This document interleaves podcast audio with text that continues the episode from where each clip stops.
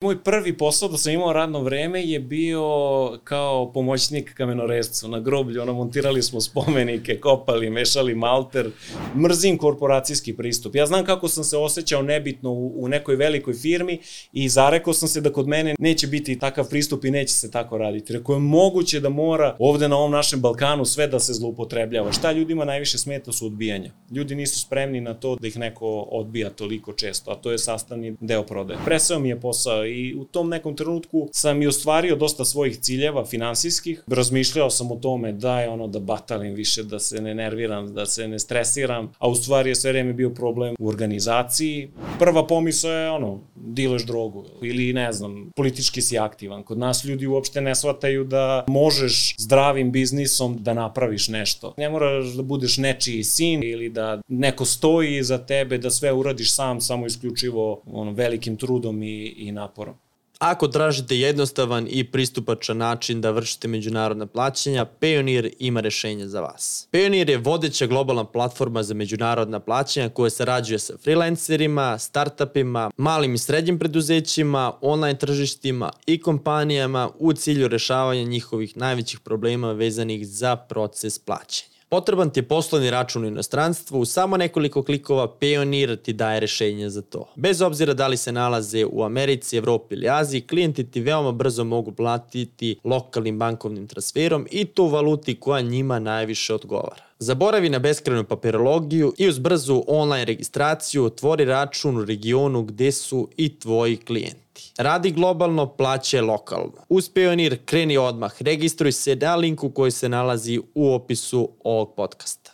Neko skaliranje, dalje, dalje neki ono To je level to, up. tako ćemo da krenemo. Prije za to. Apsolutno, da, da, da. Učite iz grešaka. Biznis priče. Dobrodošli u najgledaniji biznis podcast u regionu. Ja sam Vladimir Stanković. Danas u Biznis pričama jedan mladi uspešni preduzetnik koga sam upoznao na Biznis priče konferenciji, Đorđe Veselinović iz Pančeva, osnivač i direktor kompanije VConnect. Đole, dobrodošao u Biznis priče. Bolje te našao. Kako je bilo na konferenciji? Savršeno. Savršeno iskustvo i eto, dovelo je do, do ovog sada. Ti si 90 godinu dana si stariji od mene, već koliko dugo imaš kompaniju VConnect? E, sedam puni godina, ovo je osma godina poslovanja. Čime se bavi VConnect? VConnect se bavi outsourcingom, e, specializovali smo se za telemarketing, odnosno ne samo prodaju u tom nekom smislu, već radimo i korisničku podršku. Kad sam čuo tvoju životnu priču i preduzetničku priču, to je, rekao sam, to je ona priča s kojom mladi generalno ljudi mogu da, da se povežu. Nekoliko faktora je obeležilo celu tu priču, u pitanju su crtači, nemački crtači, kasnije dva točka, pa četiri točke i sve to ima neko mesto u toj tvojoj priči. Da nije bilo toga, ne bi bilo možda ni ove priče. Pa da krenemo tih crtača. Kako su crtači obeležili tvoju karijeru? Pa, interesantno u stvari kako sam naučio nemački, s obzirom da nikad nisam u školi, da, nismo rekli gledalcima da e, moja firma posluje najviše sa nemačkim, odnosno švajcarskim kompanijama i nemački sam naučio tako što sam gledao crtaće bez prevoda, ono, 90-ih su, su moji kupili satelitsku antenu i srećom Cartoon Network je skremblovao crtaće na engleskom i da sam bio primoran da gledam na nemačkom. I sad interesantno je, e, dete između treće i sedme godine usvaja, usvaja maternji jezik. I u tom periodu sam ja baš gledao te crtaće bez prevoda, bez ičega i bukvalno sam jezik usvojio kao paralelno sa srpskim kao drugi maternji jezik. I mm, tek sam u osnovnoj školi počeo zvanično da, da učim nemački, tad sam učio da čitam, da pišem, ali sam već pričao kao, kao rođeni Nemac, s tim da moji roditelji uopšte nisu znali, mislili su da, da nešto nije u redu sa mnom, ono, gledaju, te gledam, ne znam, krimi serije, ne samo crtaće, krimi serije iz 80-ih, ono, ne znam, Magnum P.I., pa malo gledam crtaće na nemačkom i kao prevodim im. I oni su mislili, ma ja to izmišljam, Lupa da, sklapam slike, slike, izmišljam neku svoju priču i u stvari otkriće kako da ja stvarno govorim nemački e, se desilo u Egiptu, možda sam imao jedno šest godina, tamo sam upoznao nekog malog Nemca. To su već krenuli pr prva pregovaranja, e, video sam na, na ležaljci, on imao časopis neki koji se vrteo stalno na, na reklamama za decu. I onda sam mu ja prišao na nemačkom, pričao s njim da bi mi možda poklonio, nemacko nemac nije teo da mi pokloni, onda smo pričali o tome da mi proda i zajedno sa njim sam došao, došao u sobu kod roditelja i kao pa evo ovaj mali ima taj taj časopis. Ali traži biste- pare, a? Da, da, traži pare, jel biste hteli da mi kupite? Pa kao kako pričaš s njim, preko kako kako na nemačkom normalno. I onda sam pred njima prvi put u stvari e, pričao nemački da čuju i pali su u nesvest, ono kako je moguće da, da dete od šest godina priča nemački, a niko u kući ne zna, ne zna nemački. Časopis nisam dobio do kraja. Niste se dogovorili Nisu oko, se oko dogovorili, cene. Da, da, nisu se dogovorili do kraja, odustaje, odustaje od prodaje. Ti si možda i prepoznao neko preduzetništvo već u osnovnoj školi. Pa, Šta te razlikovalo od druge dece i Ne, ja bih rekao jaka želja i motivacija i mislim da je to kreće u stvari iz kuće od vaspitanja. Moj otac isto bio preduzetnik, on je ugostitelj celog, celog života i ti neki prvi koraci su bili uz njega, gledao sam kako on radi, ali vaspitanje u smislu da sam morao uvek sve da zaslužim. E, Koliko god da sam blizu, ako je dogovor, ne znam šta da, da uradim, ako mi je malo falilo, to e, nisam dobijao nagradu, da kažem utešna nagrada, a tako je to mi pripremilo posle za, za život, zato što život ne prašta. Koliko god da si se trudio, nije bitan trud, bitan je, bitan je krajnji, krajnji rezultat i od malena sam u stvari e, naučio da se snalazim na, na raznorazne načine, ali šta, ono što me razlikovalo je ta neka jaka želja i motivacija i što, što sam, nisam prihvatao ne kao, kao odgovor. kada si prvi put došao u neki dodir sa nečim što se zove preduzetništvo ili neki rani oblici preduzetništva, šta si prodavao, šta si... Pa rani oblici preduzetništva su bili još možda krajem osnovne škole, početkom srednje škole. Uh, pošto sam se bavio mountain bikingom. to su ta dva točka to koje sam spomenuo. Tako je. E, pošto sam se bavio mountain bikingom, e, imao sam sponzore iz, iz Nemačke, dobio sam tada opremu koja, koja u Srbiji nije postojala da se kupi, dobio sam po nabavnim cenama, onda sam ja to posle prodavao klincima po kraju i širom Srbije, ali onako e, prvi put je u stvari bilo možda tako sa jedno 16-17 godina, kao i svi, hoćeš da kupiš mobilni telefon ili nešto, ja nikad nisam bio od onih, ej, tata kupi mi, mama, mama kupi mi, nego da vidim šta ja mogu da uradim tim povodom. I tad su bile aktuelne elektronske cigarete, ali ne kao, kao ove danas što se puše, već sa onim nekim uljima i čudima. Ja naravno inače nikad nisam ni bio pušač, ali sam se odlučio da, da, da prodajem te elektronske cigarete. Ono, mi u Pančevu imamo čuveni buvljak i tamo možeš da nađeš sve od igle do, do lokomotive i, i na kraju sam ja kod nekih bugara kupovao te elektronske cigarete na buvljaku i kasnije kod frizera, prijateljima, poznanicima, u kafiću, ono, pričam s nekim, Šta odeš, ti pućkaš pa vide Ne, ne, ili... nisam, nisam pućkao, nego kao neko se dotegne, do, dotakne teme ovaj, pušenja, svega ostavljanja i onda ja kao, evo, alternativa, ovo je Zdrava jeftinije, alternativa. zdrava alternativa, da, pogotovo to zdrava alternativa. I onda sam to prodavao, pa je bilo smešno, dešavalo se naravno kvalitet, katastrofa, pa procuri, pa te zove, pa ideš donosiš drugo. I, inače, držao sam i časove nemačkog jezika još u srednjoj školi i onda roditeljima malo držim časove deci, malo pokušavam roditeljima da prodam elektronsku cigaretu ili, ili nešto slično. A, spomenuo si sad uh, Bajseve, otkud u toj priči, čak imaš i neki rekord, to je zanimljiva priča i nadovezuje se ovo preduzetništvo na, na to kako si došao do sponzora. Rekao si imao si sponzore, ali dok si došao do tih sponzora, Tako je. E, Pa krenulo je sve u stvari e, od malena svi me u Pančevu znaju kao malog e, kovrđavog klinca koji nije silazio sa, sa Đo- BMX. Đole BMX-a. Đole BMX, da, kasnije sam postao Đole Backflip. Do, do pre par godina ovaj, su mi dalje klinci zvali ono Đole Backflip. Prođem kolima, oni viču, ovaj, e, dozivaju me, ali kako sam ušao? Prvo bila je ta ljubav prema biciklizmu, vozio sam, vozio sam bajs, ta neka sloboda koju sam osjećao i onda sam video neke starije momke, znači ako sam ja tada imao možda 11 godina, oni su imali 25-6 i na nekom brdašcetu blizu, blizu moje kuće su skakutali i pokušavali neke trikove, vežbali i sad pričamo o periodu gde ja još nisam imao internet, nismo, par godina kasnije sam tek dobio internet, ono preko dial-upa tih godina nisi mogu ništa ni da, da učitaš. I onda su mi oni bili neki uzori, pratio sam njih i tu je bio jedan moj sada jako dobar prijatelj koji je držao bike shop u Pančevu i on je imao narezane CD mountain bike eh, klipova iz Kanade, Evrope i čitavog sveta kako, kako voze i prave raznorazne trikove. i taj CD mi je bio jedina, jedina, kako da kaže, jedini prozor u taj svet i e, gledali smo po ceo dan, nema interneta, nema ničega, jedan isti CD vrtiš dok se, dok se ne izliže, gledaš šta ti ljudi rade i onda pokušavaš to da imitiraš. Mi smo se inače borili i zalagali za to, tada nisu postojali uopšte skate parkovi u, u Srbiji. I onda ti moji prijatelji i ja i uh, smo zajedno uh, pravili takmičenja, ove proteste, slali dopise, molili i onda je tako i tako su u stvari nastali prvi skate park u Beogradu prvi ozbiljan skate park je pored Ušća, uh, pa se onda polako krenuo u gradovima da se, da se pravi jedan po jedan. Ja sam inače u Pančevu i dizajnirao sam skate park, pošto mislim iz uh, gradskog zelenila niko nije ni znao šta je, šta je to, ono, videli su na nekim filmovima i kao šta sad nama treba i ja sam, da kažem, bio neki konsultant da im objasnim kako to sve treba da izgleda. Um, pomenuo si taj moj rekord, ja sam prvi u Srbiji uradio salto unazad na, na mountain bike-u. I to me je posle dovelo, u stvari... Gde, da gde si to uradio, u Pančevu e, ili? To sam uradio u Pančevu, da. Prvi, ima, čak, čak Imaš postoji, i snimak taj, ja. Ima i snimak i postoji prvi pokušaj dok, koji nije ličio ni na šta, gde sam pao i taj snimak i dalje stoji na, na YouTube, ima možda jedno 300 pregleda i svaki put kad hoću da se nasmejem, pustim, pustim to.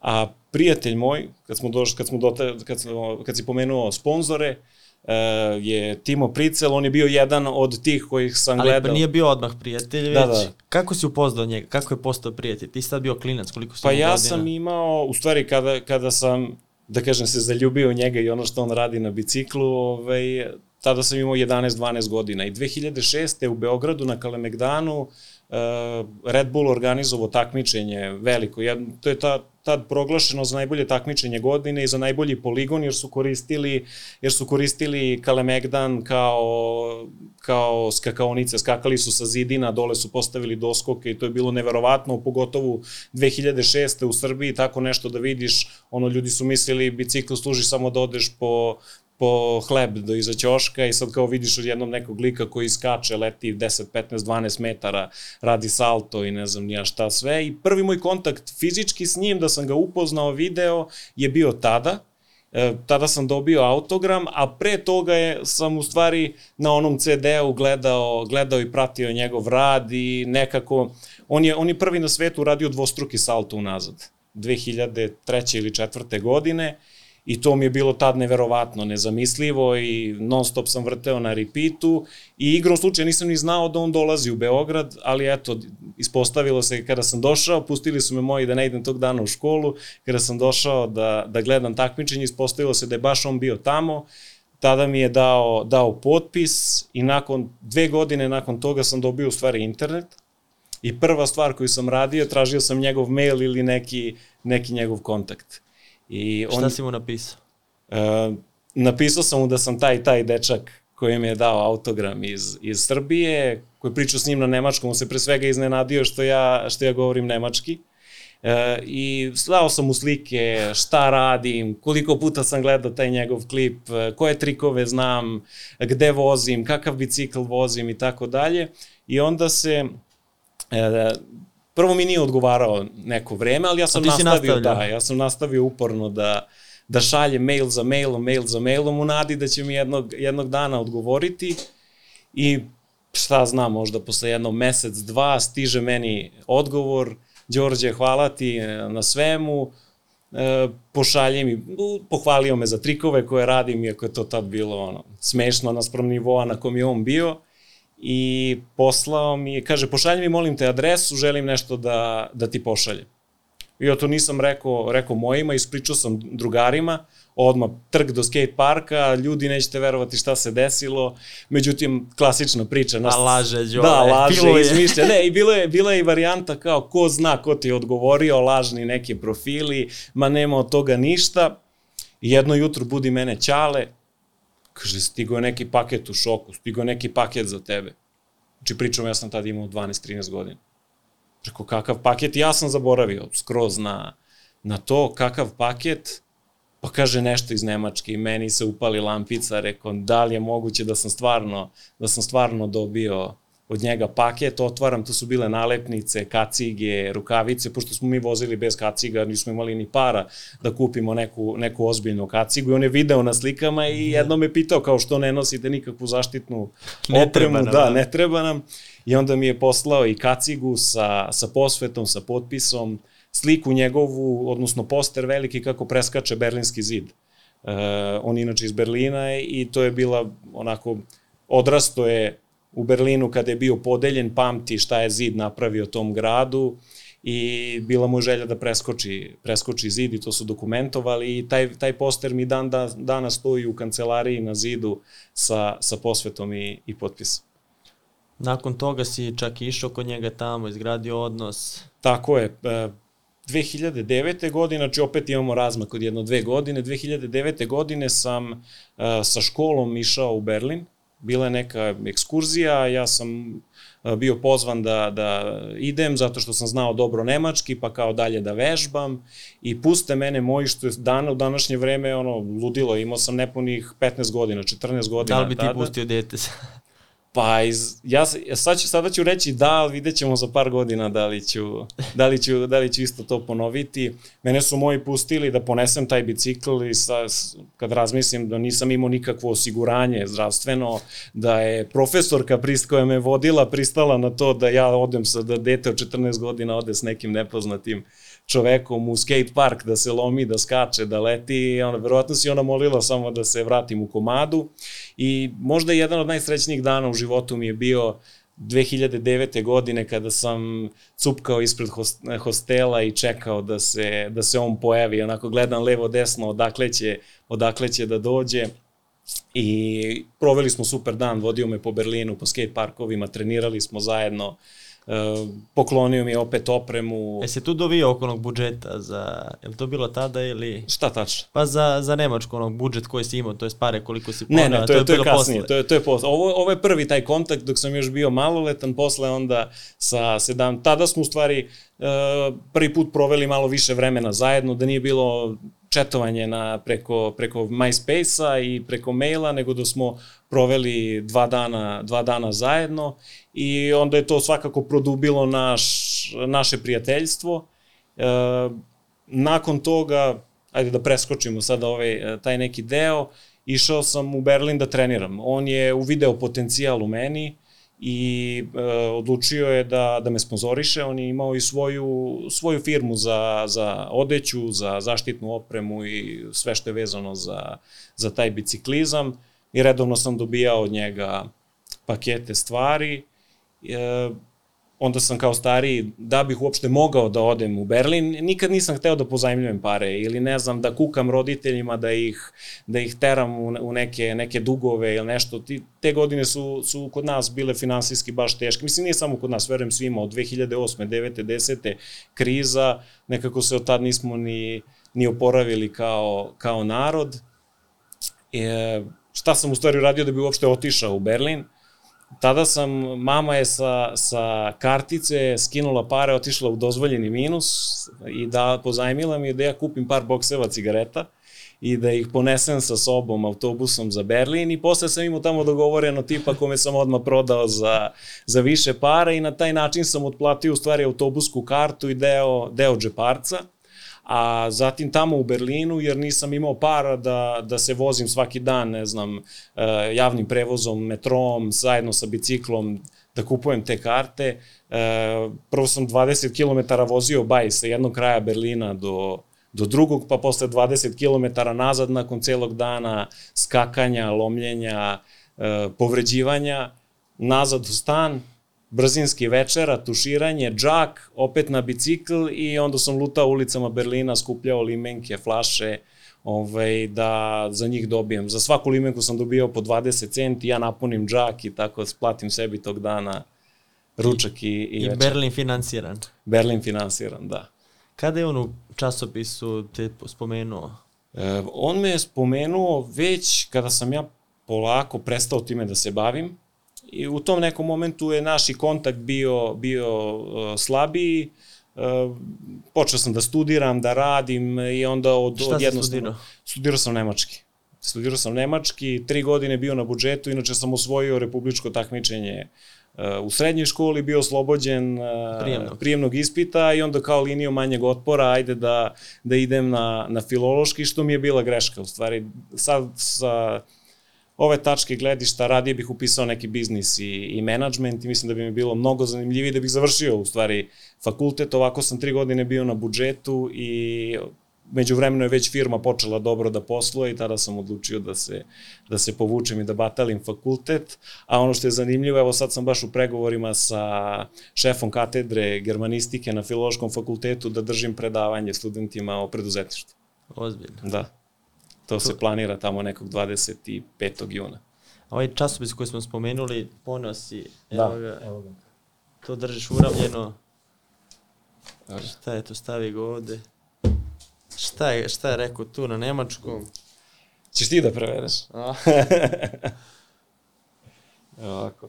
U principu, e, naslov se zove sponzorni i on priča o tome kako su njega raznorazni klinci kontaktirali i tražili da, e, da ih on sponzoriše. Uglavnom su mailovi bili tog tipa, e, bili su tipa, ne znam, ja znam da uradim taj taj trik ili toliko i toliko visoko mogu da skočim, pokloni mi, ne znam, novi bicikl ili tako nešto i on je dao mene kao primer uh, kako sam i uspeo iz Srbije da se, da se probijem samo zahvaljujući jakoj, jakoj želji i motivaciji, jer nismo imali skate parkove, nismo imali nikakve uslove, financija za to nismo imali, zato što su ti bajsevi bili abnormalno skupi, ne znam, moji su vozili auto star 25 godina, a moj bicikl je koštao 2000 eura.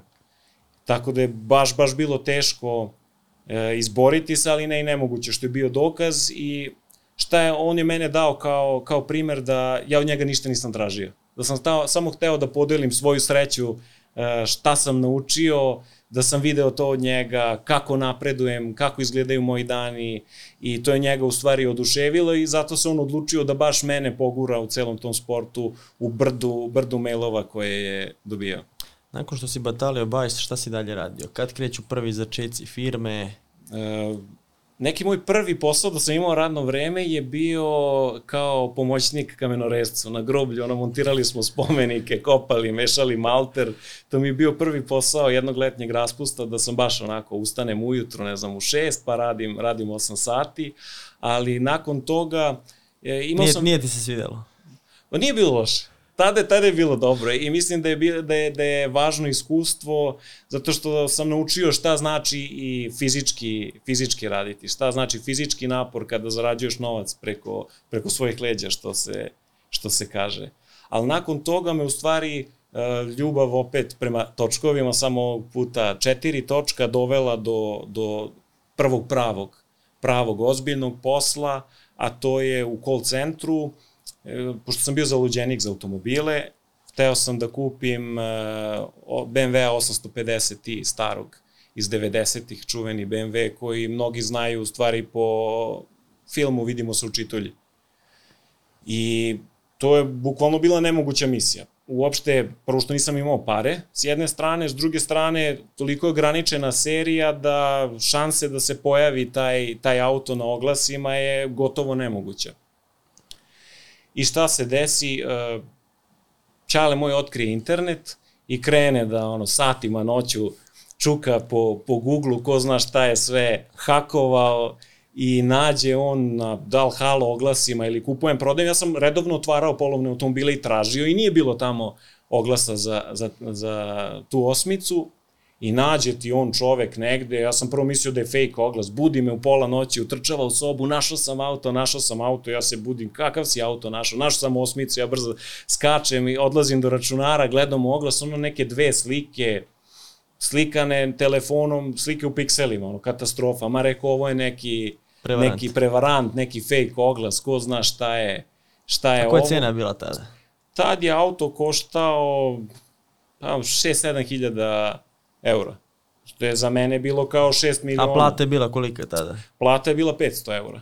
I šta sam u stvari uradio? Uh, toliko sam davio tog čoveka, bio sam uporan, u stvari davio ga. Ja sam mu se stalno javljao na sve moguće načine, sam pokušavao daj da dobijem kredit uh, u ovoj banci, u onoj banci, šta mogu da prodam, daj bicikl da prodam, da skupim neke pare i na kraju on meni kaže, u stvari zove me dok sam bio na poslu ja brzo na pauzu, javljam se, kaže on meni, vidi, ja sam taj auto kupio, isto sam ga tako jako želeo kao, kao i ti, nisam imao sredstava, taj čovjek mi ga je prodao pre, ne znam, xy godina na rate, kaže, spreman sam i ja tebi isto tako. Izgleda da mu je suđeno da isto tako ode, ode i dalje i možda sam tad od dve plate skupio 1000 eura bukvalno. Mislim, pored toga sam ja još imao te neke poslove, držao časove, časove nemačkog, radio na vratima i ne znam, preprodavao garderobu, šta god sam stigao, samo neki dinar da, da zaradim.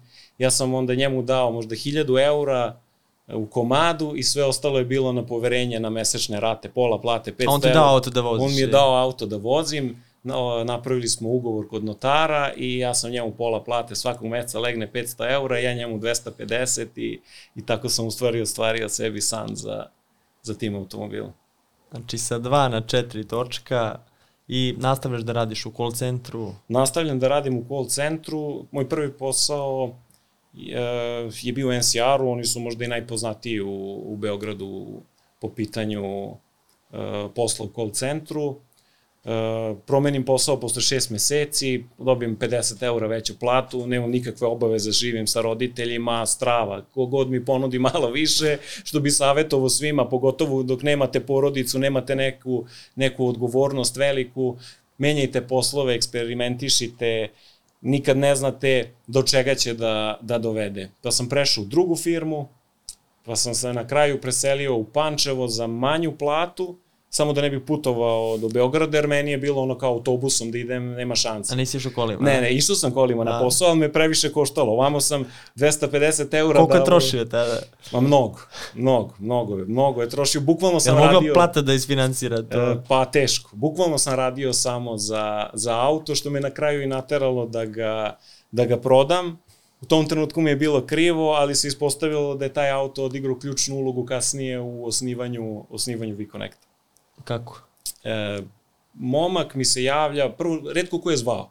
Redko ko je zvao, zove me dečko iz Beograda, ja sam isto stavio cenu relativno jaku za, za, za to vreme, i zvao me dečko, hoću da dođem da vidim auto. Pritom javljali su se ljudi, kriminalci u pokušaju iz 90. godina kojima je uzor bio, ne znam, Goran Vuković Majmun i onda samo dođe, dođe sa, ne znam, jugom da, da gleda taj auto, nema ni da sipa gorivo, kamoli da ga, da ga kupi, samo da vidi auto, da se slika pored njega, da ispriča da je, da ispriča da je, da da je sedeo u tim kolima. I ja, tako meni zvoni telefon, zove me neki momak, opet ista priča kao i svi, ja mislim, a reko, nema ništa, nema ništa od prodaje. I pojavljuje se tada skroz novi beli Range Rover, izlazi dečko, ja rekao, u čoveče, šta je, šta je sad ovo, prvo što nikad nisam ni video takav, takav auto, kamoli da sam sedeo u, u jednom ili poznavao, pričao s nekim ko posjeduje takav, takav auto, pogleda on malo okolo, naokolo, kaže kupljeno. Ja u šoku. Pitao mene čime se ti baviš, pa reko radim u call centru, pa gde radiš, na kom jeziku, ja mu kažem na nemačkom, pa ka, ka on meni, ovaj, ja vodim call centar na nemačkom, ja sam inače programer, bavimo se time i pita me on kao kolika ti je plata. Ja rekao 500, 500 eura i on se nasmeje kao moji operateri zarađuju 1000, 1000 i po dve. Ja sam bio u fazonu, aj, nema ništa, od, ovo su neke, neke mutne, prazne priče. Pa kao čime ti se bavi call centar i on kao radimo sa, sa osiguranjima u Švajcarskoj. I to je meni negde ostalo u, u malom mozgu da bi sledeće godine u Panču bio sajam zapošljavanja. I uh, nije me držalo mesto. Ja sam inače kao radnik bio katastrofa. Uh, nisam baš bio odgovoran, nije me držalo mesto. Zamenio sam bike, uh, skate park i, i baj sam zamenio za, za stolicu ispred, ispred računara. I samo, da, samo sam gledao kako negde da, da šmugnem I moja firma je tada imala štand, to je moja firma, firma za koju sam radio, imala štand na, na sajmu i direktorka je nosila taj neki repromaterijal, ogromne kese, teške, ma rekao da, ja ću da ti pomognem, nemoj ti da tegliš, idem ja, idem ja sa tobom, to ću da, da nosim i kao važi, ajde. I dok sam još nosio te kese, ulazimo, ulazimo u sajam i prilazi meni neka devojka kao, izvini, jel pričaš nemački? Pa rekao, pričam. Ja, jel možeš, molim te, da dođeš da čuješ šta imamo da, da ti ponudimo? Pio kao, ajde, onako, baš sam otišao drsko, onako, bio sam zadovoljan s tim poslom u Pančevu, išao sam pešaka do, do firme, nisam više morao da se maltretiram u gužvi, da trošim pare na gorivo. I tu je bio taj jedan švajcarac, naš čovek, ali švajcarske, i, i on meni kaže, hoćemo da otvorimo firmu u, u Beogradu, potrebni su nam ljudi koji pričaju nemački, trebaju nam operateri, rade se zdravstveno osiguranje u Švajcarskoj.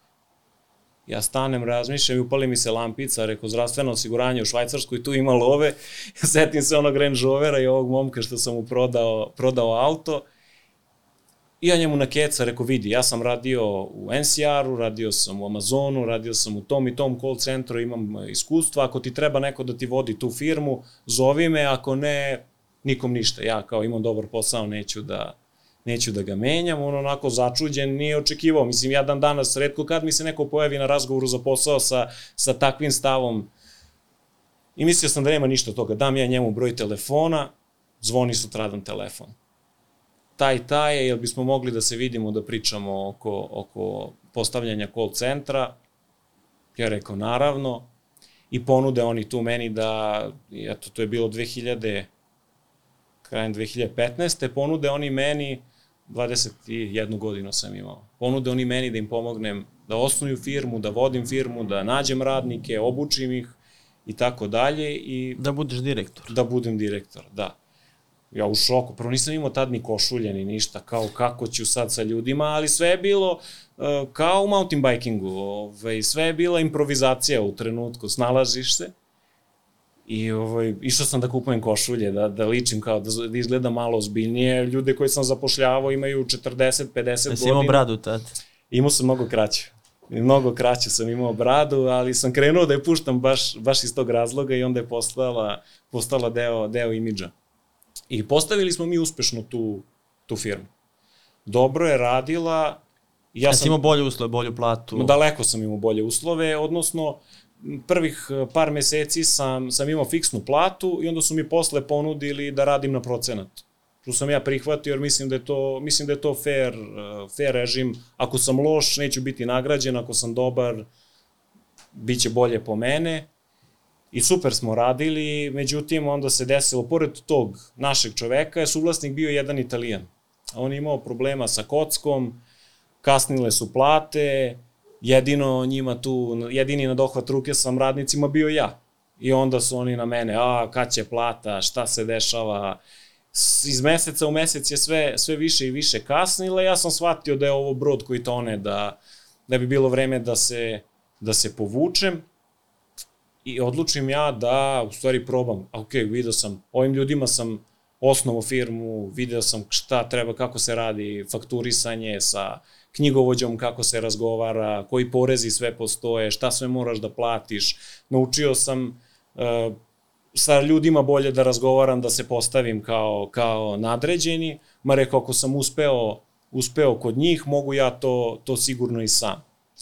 I tu je u stvari auto odigrao, odigrao ulogu. Pozvao sam tog momka kome sam prodao kola. Ono što je Ranger. Tako je, što je vozio Ranger, pozvao sam njega, e, rekao, vidi, želim da, da, da pokrenem svoj call centar, ovde sam 7-8 meseci, sve to lepo funkcioniše i vidim veliki potencijal, ali nažalost su problemi ti koji su, koji su bili i on kao, ajde da se vidimo, nema, nema problema.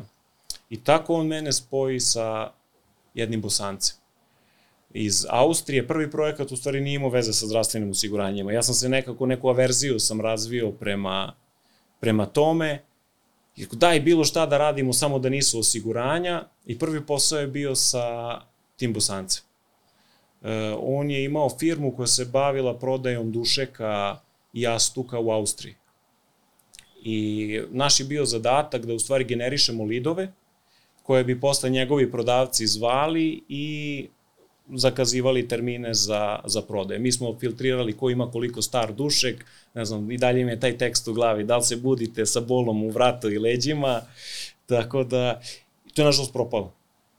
To je propalo i onda im, bila mi opcija ili da zatvorim firmu, što mi nekako ne, neprihvatljivo, ja sam inače veliki, veliki inađe. Kad mi neko kaže nešto da ne mogu, ili ako nešto ide teško, ja onda zapnem puta, puta pet. I jedina opcija, u stvari, zašto sam znao da možemo da radimo, su bila ova osiguranja od kojih sam, kojih sam bežao. I rekao, ajde, nema nam druge, upuštamo se, upuštamo se ponovo, ponovo u to. I eto nas 7-8 godina kasnije i dalje se sve vrti oko, oko tih zdravstvenih osiguranja u Švajcarskoj. ste bili prvi zaposleni tu? E, Prvi zaposleni su mi... Jel se iz ove firme koja je propala ili... Nisam, nisam. To, to mi je nekako bilo ružno ispod časti, iako se nije slavno to završilo po mene po, po pitanju naplate i tog kašnjenja i svega nekako. Smatrao sam tu su njihovi ljudi, koliko god da sam ih ja e, doveo tu, zaposlio, ja sam bio plaćen, plaćen za to.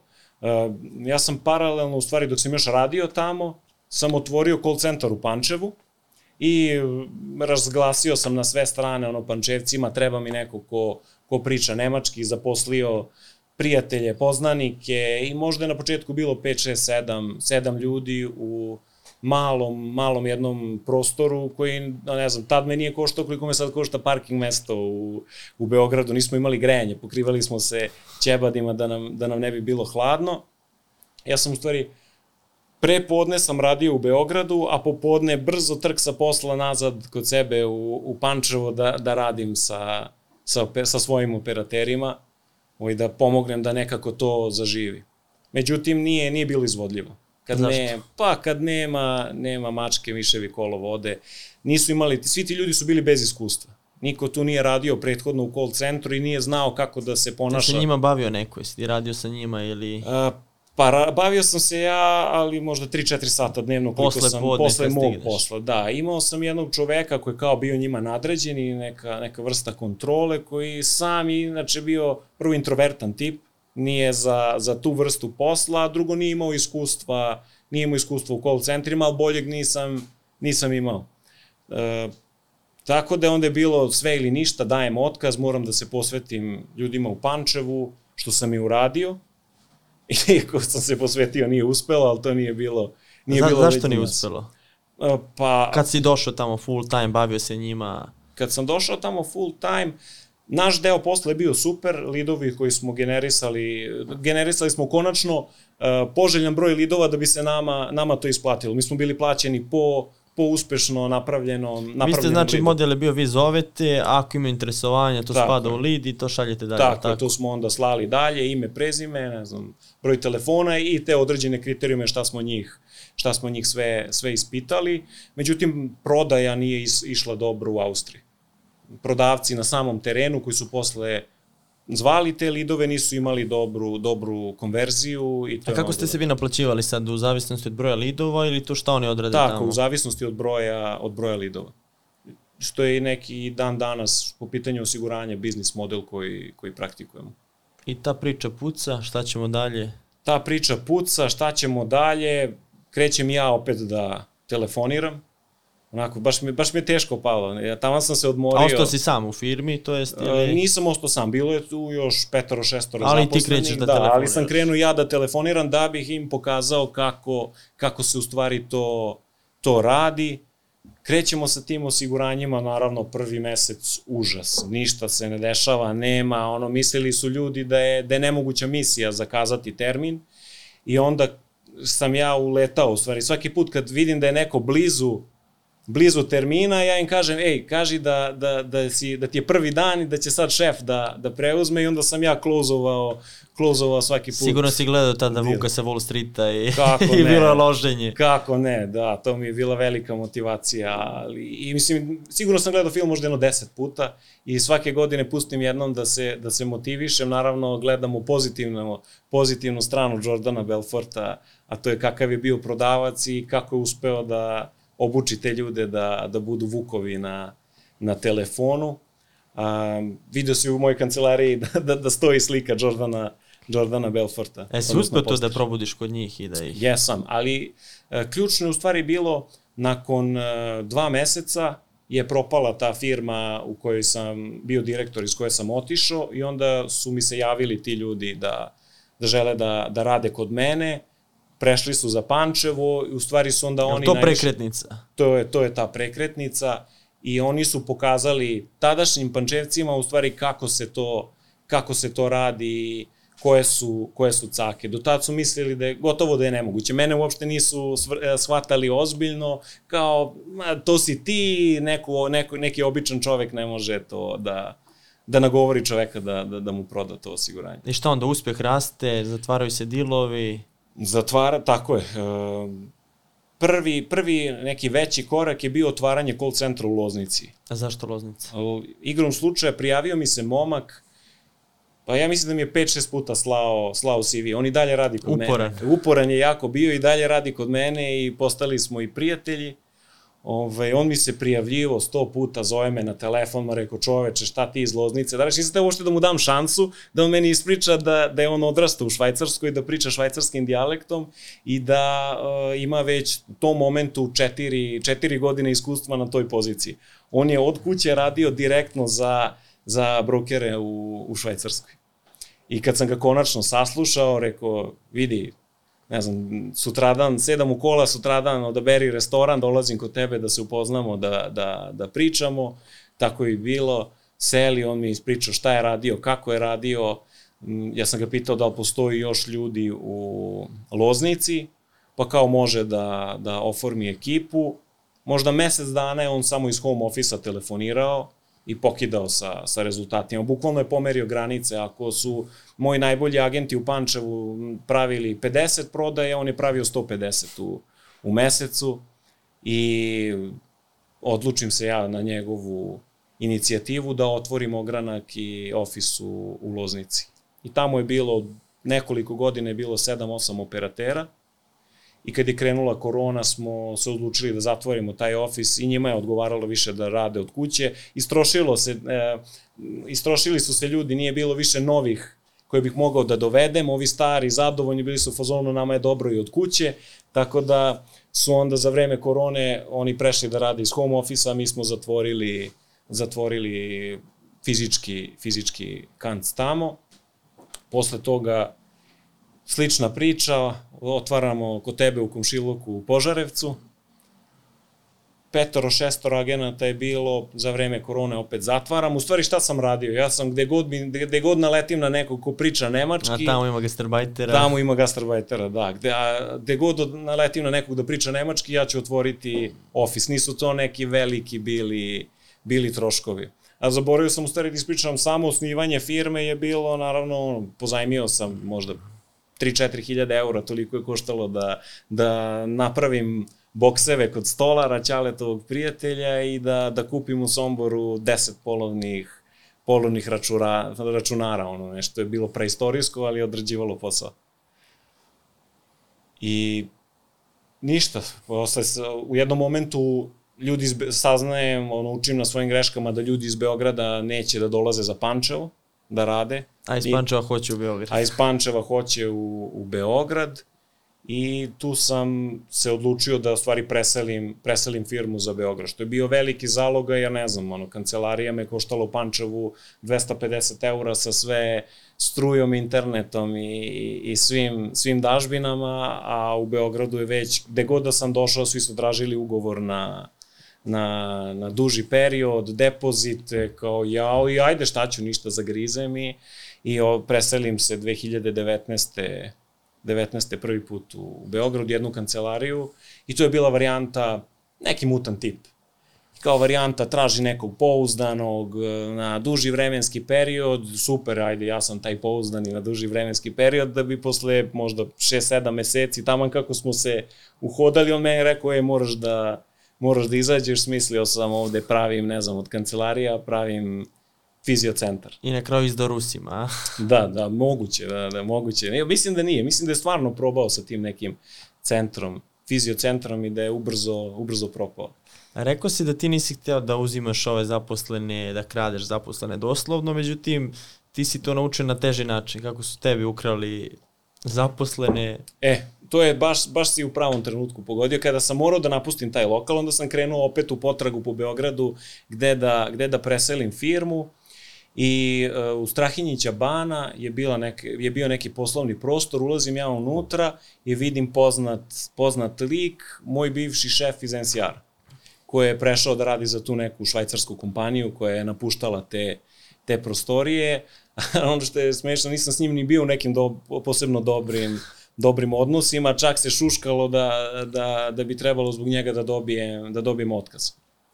Opet kažem, nije čovek kriv, ja stvarno, pogotovo prvi posao nisam shvatao to, to dovoljno, dovoljno, dovoljno ozbiljno. Nisam se snalazio u toj nekoj korporativnoj sredini i kulturi i dan danas ja to ne praktikujem kod sebe u firmi, ali da se vratimo na, na taj poslovni prostor i na, na celo to iskustvo i ja mu se javljam, pružam mu ruku, predstavi me ta agentkinja, rekao ovo su potencijalno novi, novi zakupci, on mi pruži ruku, kaže Aleksandar, je rekao Đorđe i držim ruku, rekao znamo se ti ja. On me gleda, šta pa rekao, ti si meni bio šef pre 4-5 godina u NCR-u, koji ja, stvarno naravno nije me se sećao, on je bio zadužen za stotine, stotine ljudi, ali meni bila onako mala, mala pobeda od toga da, da mi je bio šef, da sutradan dolazim da iznajmim, iznajmim prostorije u kojima je firma za koju on, on radi. I pitao mene, pa kao stvarno čime se baviš? Rekao, radimo sa, sa razne projekte, ali core business nam je u Švajcarskoj, osiguranja, operateri nam pričaju švajcarskim dijalektom, od njemu odjednom on skače, jao, imaš švajcarce, da se nadožem, to je vreme korone.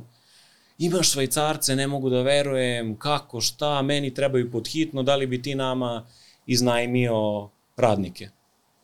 Pa rekao, u principu što da ne, hoću. Firma je milijarderska Imali su promet 2019. godine preko 4 milijarde franaka i zbog korone su doživeli kao i svi u e-komercu ogroman rast i oni sa svojim ljudima nisu mogli da, da pokriju da pokriju customer support. Dogovorimo se mi sve super, ugovor na šest meseci i dok sam sklapao ugovor razmišljam plan je bio naravno da se to produži, da bude dugoročna saradnja. Meni je to imponovalo da ja u tom trenutku tako mali i nebitan da, da radim za jednu tako veliku švajcarsku, švajcarsku kompaniju.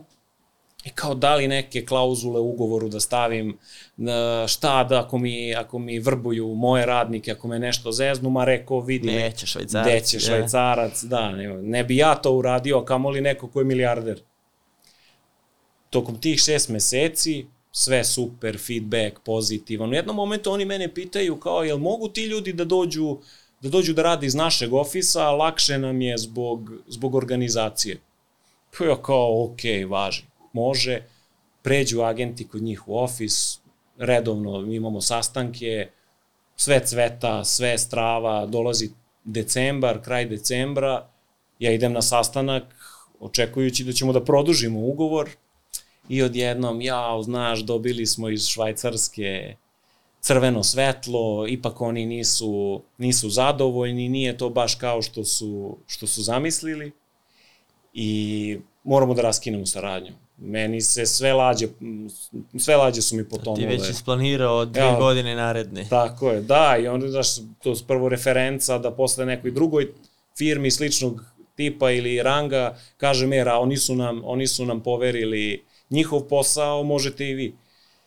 Vraćam se, sav slomljen, neraspoložen, dobro, ajde šta, šta da radim, moram sad da, da se skoncentrišem, imam ljude koji zavise od mene, sazovem ja sastanak sa tim operaterima, reko ljudi, desilo se to i to, nije do vas, dali ste vaš maksimum, ja vas uveravam da su, da su povratne informacije do sada uvek bile pozitivne, ali iz nekog razloga oni ne žele da, koji samo oni znaju, ne žele da, da nastave saradnju. Ja sad brinem o njima, naravno, rekao, ne brinite se za vaš, za vaš posao, za vaš angažman, radit ćete i dalje, samo ćemo vas prebaciti na, na, na osiguranja. Sve ostaje isto, ja vidim svime nešto čudno gledaju, završi se taj sastanak, sutradan ja dobijam poruku, e, svi prestajemo da radimo, oni su u petak prestali da rade, dali svi otkaz, u ponedeljak počeli da rade direktno za, za tu firmu. Ovi su ih otkupili. Da, tako da u stvari otkupili, nisu ih ni otkupili, testirali su ih, imali su ono trail period šest meseci i posle su ih samo, samo vrbovali, kako drugačije da, da nazovem. Tako da me to naučilo da, da ne budem baš lako poverljiv prema, šta prema ljudima. Šta nakon toga izmenio u poslovanju, pa, osim ugovora? pa pre svega taj ugovor. Ne prepuštam više, više stvari slučaju i koliko god mi to bilo teško, trudim se da ne polazim od sebe, nego da razmišljam, ok, šta može da se desi, onaj worst case scenario šta bi moglo da se desi i kako, na koji način da se, da se osiguram protiv toga. Jesu probali posle toga neki da ti... Pa dešavalo se recimo da pošalju tako, pošto Nemca zaposliti u Beogradu je pakao. To je, znači, još iz perioda dok sam ja bio kol operater u 12 uveče Nemca, pošaljem. neko ko govori neko nemački. Ko govori, da, da, neko ko govori nemački i pošaljem CV u 12 uveče, sutradan do 11 popodne, do 11 prepodne mene, mene već 80% firmi prihvata, samo preko telefona što smo razgovarali na, na nemačkom i sad sam izgubio uopšte kako smo, kako smo došli do, do Nemaca. Ne, pitanje je bilo šta si Da, šta sam uradio nakon da se toga. zaštiti. Da. da, šta se dešavalo? Dešavalo se u stvari da e, druge firme šalju, šalju ono špijune. Dođe neko, prijavi se, pa gleda šta mi radimo, bude tu u firmi nedelju, dve, tri, pokušava da vrbuje radnike da, Ozbiljno. da pređu da pređu, ajde dobit ćeš bonus, jer tu i mi radimo. Mislim, dajemo bonus dobrodošlice ili ona preporuka, ako ti dovedeš nekog kod nas u firmu, dobijaš određen, određen bonus. Šta to teže da se nađu, znači, Nemci nego programeri.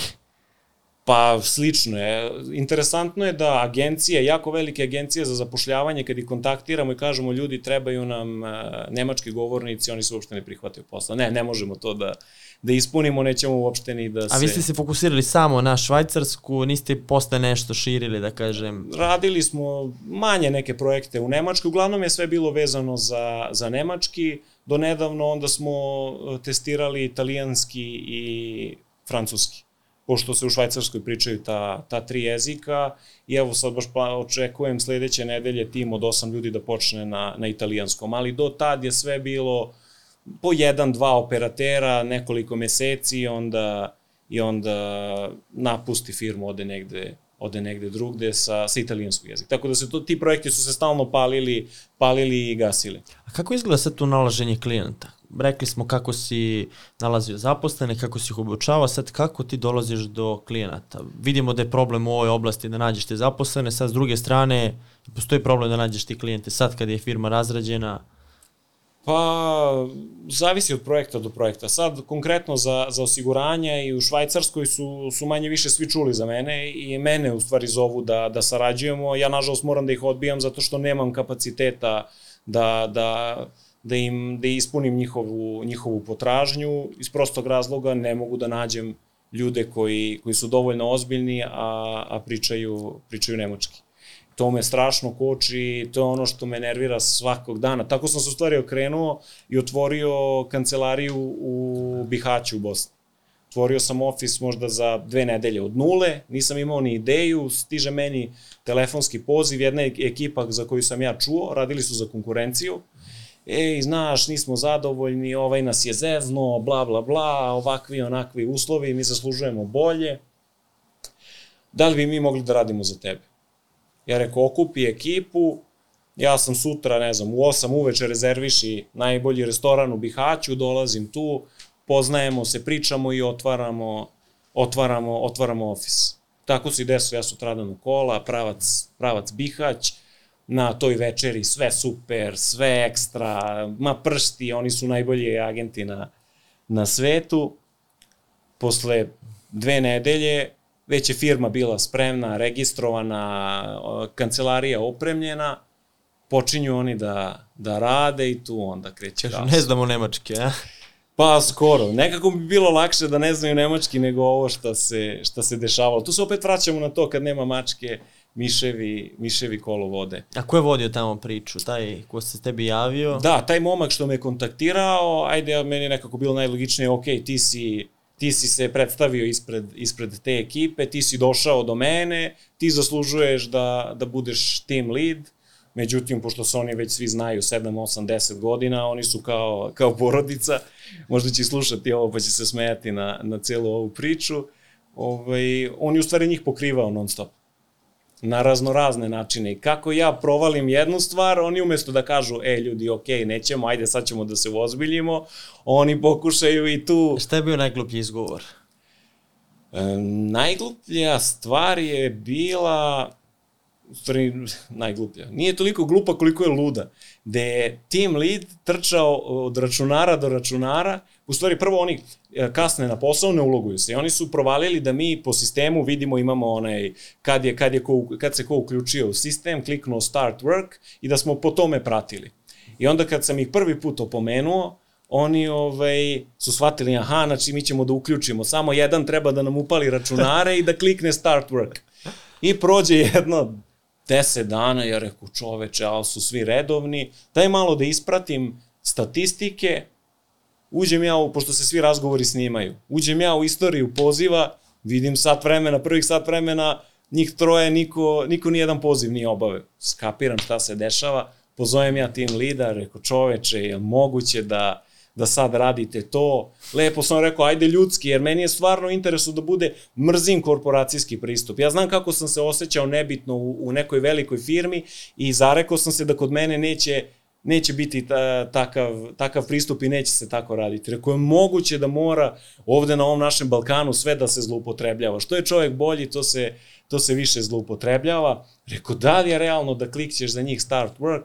Pa ne, izvini, naš, me, meni je žao, ona je rekla tako i tako, on je rekao tako i tako. Dobro, rekao, ajde da se dogovorimo, više nećemo to da radimo. I onda je vrhunac svega, nakon čega sam u stvari odlučio da zatvorim taj call center. Iako sam ja i, e, imao profit od te firme, jednostavno koštalo me suviše živac. Ja volim da to sve bude čisto, uredno, da, da se zna, da imamo poverenje i na tom poverenju da, da gradimo zajedničku saradnju i, i uspeh. Vrhunac, jedan operater, sad ne samo da klikne start work, nego ide od kompjutera do kompjutera i pozove po dva, tri klijenta, onako da, da ima u, u, u, ovom, e, u istoriji da su napravljeni razgovori. Ja kliknem i čujem da, da ono, na poziciji gde bi trebala da bude žena je u stvari neki muškarac koji telefonira malo vamo, malo, malo tamo. I tad sam rekao, neka, hvala, zatvaram.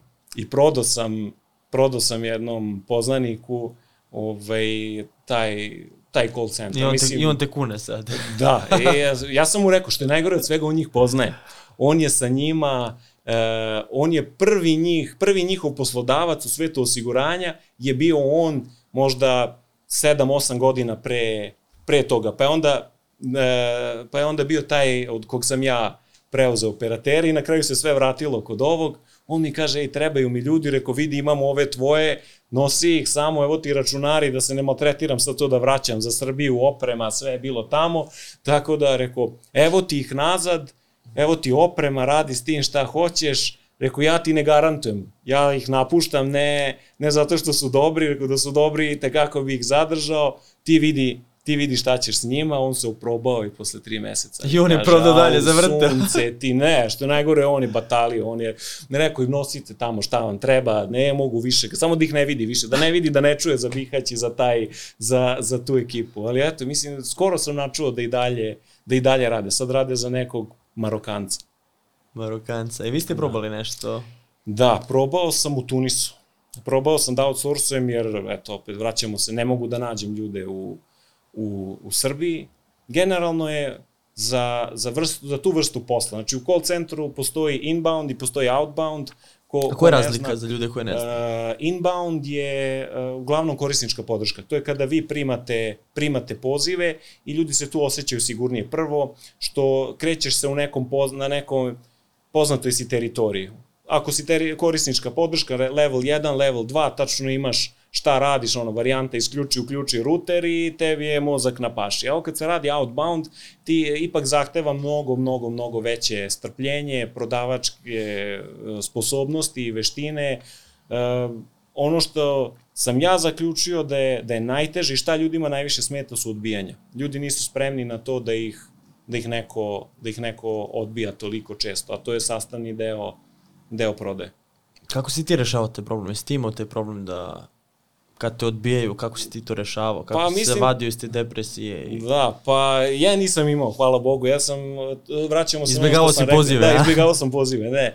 Uh, ja sam po prirodi inađija i meni što nešto teže ide, ja tu onda, e, sad ćeš da vidiš, sad ću pa makar crko ima da to, to realizujem i onda svako, svaki put kad sam naleteo na ne, to me još više zagrejalo da sledeći put uh, nekog ubedim da to ne postane, postane da ali eto, neko ko nikad nije imao dodirnih tačaka, primjera radi, moj najuspešniji operator dnevno napravi 10 prodaje. A od koliko poziva? Od recimo 150 do 200 poziva, odnosno sa 150 do 200 klijenata on bude povezan u toku dana. Neko spusti slušalicu posle 3 sekunde, to nećemo ni da računamo kao razgovor, ali eto, da, da, da, da kažemo da njega 150 ljudi odbije, ili mu kaže, ne znam nija šta, ali da 10 ljudi napravi, 10 ljudi pristane. I onda šta se dešava? Neko mora da bude uporan. Nekad prva tri sata nisi napravio ništa, samo ide ne, ne, ne, ne, ne i ti kloneš duhom, a u stvari baš ovaj sledeći, da si bio energičan i da si uh, ušao u taj razgovor sa, sa onako, svom snagom i trudom napravio bi, napravio bi sale. Nikad se, nikad se ne zna. Ali opet, s druge strane, zato oni nadprosečno zarađuju. Jel oni imaju neki deo učinka ili... Tako je, oni imaju fiksnu platu, koja je možda i naj, najbolja, da kažem, u, u odnosu na, na, na konkurente, a s druge strane imaju mogućnost da zarade bonus. I to nije bonus, recimo, u call centrima gde se radi korisnička podrška. I, I te firme se naplaćuju po satu, po, po čoveku po satu. I sad ako oni gledaju da što, e, što više posla svale na, na jednog čoveka i sad tu nemaš ti neke, neke bonuse. A kod mene je kontra. Kod mene što si, što si uspešniji, to će, ti se, to će ti se odraziti bolje na platnom. Znači imaju taj fiksni deo, i plus bonus ako ostvare određene targete gde u cilju firme da oni to da oni to i uspeju jer ako su oni uspešni onda smo i mi uspešni. Ako nisu napravili sale nismo ni mi ništa zaradili. Šta je najveći problem tog biznisa? Je skalabilnost? To što ti sada ne možeš, iako imaš klijente, ne možeš da podigneš duplo Definitivno. ili... Definitivno. I u stvari tako smo došli do, do Tunisa i do mog dalje outsourcovanja, jer švajcarci, sad sam naučio zbog čega ne žele da sarađuju sa, sa, sa tunežanima, marokancima i tako dalje. Zašto? Ovaj, ja sam e, našao, dao sam oglas, javljali su mi se iz Albanije, Turske, pa eto onda i Maroko, i, e, bože Maroko, Tunis. Iz Tunisa delovali su najozbiljnije, poslali su mi video prezentaciju kako im izgleda zgrada, sve, sve full, sve, sve prštalo i rekao, ajde s njima ću da radim, iz razloga ljudi pričaju dobro nemački, a ko ne zna u Tunisu je, njima je faktički francuski maternji jezik, meni su palila lampica, ok, možemo odmah da, da, da pokrivamo i francuski deo, deo švajcarske, međutim, eh, jedno smo se dogovorili, pošaljem ja moju menadžerku da ode tamo da, da im drži obuku, i da potpiše s njima ugovor, sve su napred bili upoznati sa... Sredio sa, si ugovor, nisi više pravio grešku. Da, da, sredio sam ugovor, nisam ponavljao tu grešku, pošaljem ja nju za Tunis i naravno sve prvo gazda, ono je show program, ono vodili je, ovo je jedna moja vila, druga, treća, ne znam, ovo, ovo, ovo imamo, ovo je moj vozni park, sve, sve strava kad je došlo do toga da se potpiše ugovor i kad su videli neke klauzule u slučaju da, ne znam, e, da ne mogu naredne dve godine da se bave istim tim projektom. Jao, pa mi ne radimo tako, nama je poverenje, nama je poverenje na, na prvom mestu, mi smo staromodni, mi, mi to ovde radimo drugačije, rukovanje i čist obraz, to je, to je, to je neprocenjivo. I pozove mene menadžerka, kaže, šta da radim, neće da potpišu ugovor. Pa rekao, kad si već tu, nemamo šta, ajde, ako si već tu, držimo obuku, makar da probamo, možda se desi, desi neko čudo. Od obećanih deset operatera, mi na kraju, ona je tokom obuke otpalo dvoje, troje, vraća se nazad, seda u avion, misleći čeka na sedmoru ljudi, dolazi u Srbiju, ono kreće samo dvoje. I onako, nisu bili loši na početku napravili su po neku prodaju, međutim nije još to bilo to. A ja sam njima isto rekao po, po zakazanom tom terminu, vi dobijate, dobijate vaš honorar, a ne po satnici na što su oni, na što su oni navikli. I vidim ja, oni, ne, ne, matematika im nije, nije dobra i ja ih sad uveravam, bit će to super, dajte im još nedelju, dve, tri, moraju da se uhodaju, niko se nauče nije rodio. I naravno oni skinu i to, to dvoje, a ugovoru je stajalo i otkazni rok i sve što mora da se, da se ispoštuje, tako da eto, to je bila lekcija kako, kako u stvari, koliko je tamo njima bila, bila, bila reč i, i rukovanje, koliko težinu ima. I šta sad imaš traumu od otvaranja novih lokacija? Pa, nije trauma. Samo iskustvo. Samo iskustvo. Sledeći put mnogo drugačije. A šta bi se drugačije odradio ili u Bihaću ili Tunis? Pa tad e, nisam imao, nis, e, u Bihaću konkretno i pre toga Loznica, Požarevac, nismo pričali jedno, e, V-Connect je u vrhuncu e, dosadašnjem, pošto će biti viših vrhova, imao preko 50 zaposlenih.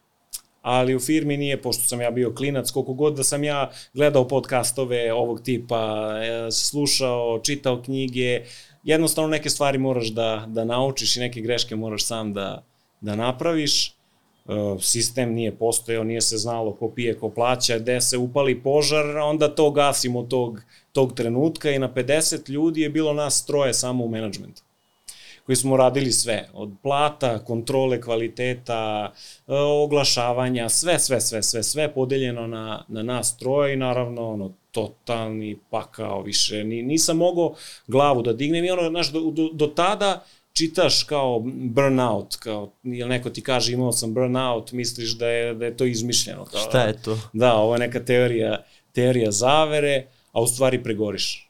Pregoriš i jednostavno nisam mogao da, da se javim na telefon, da odgovorim na mail, potražnja i dalje postojala.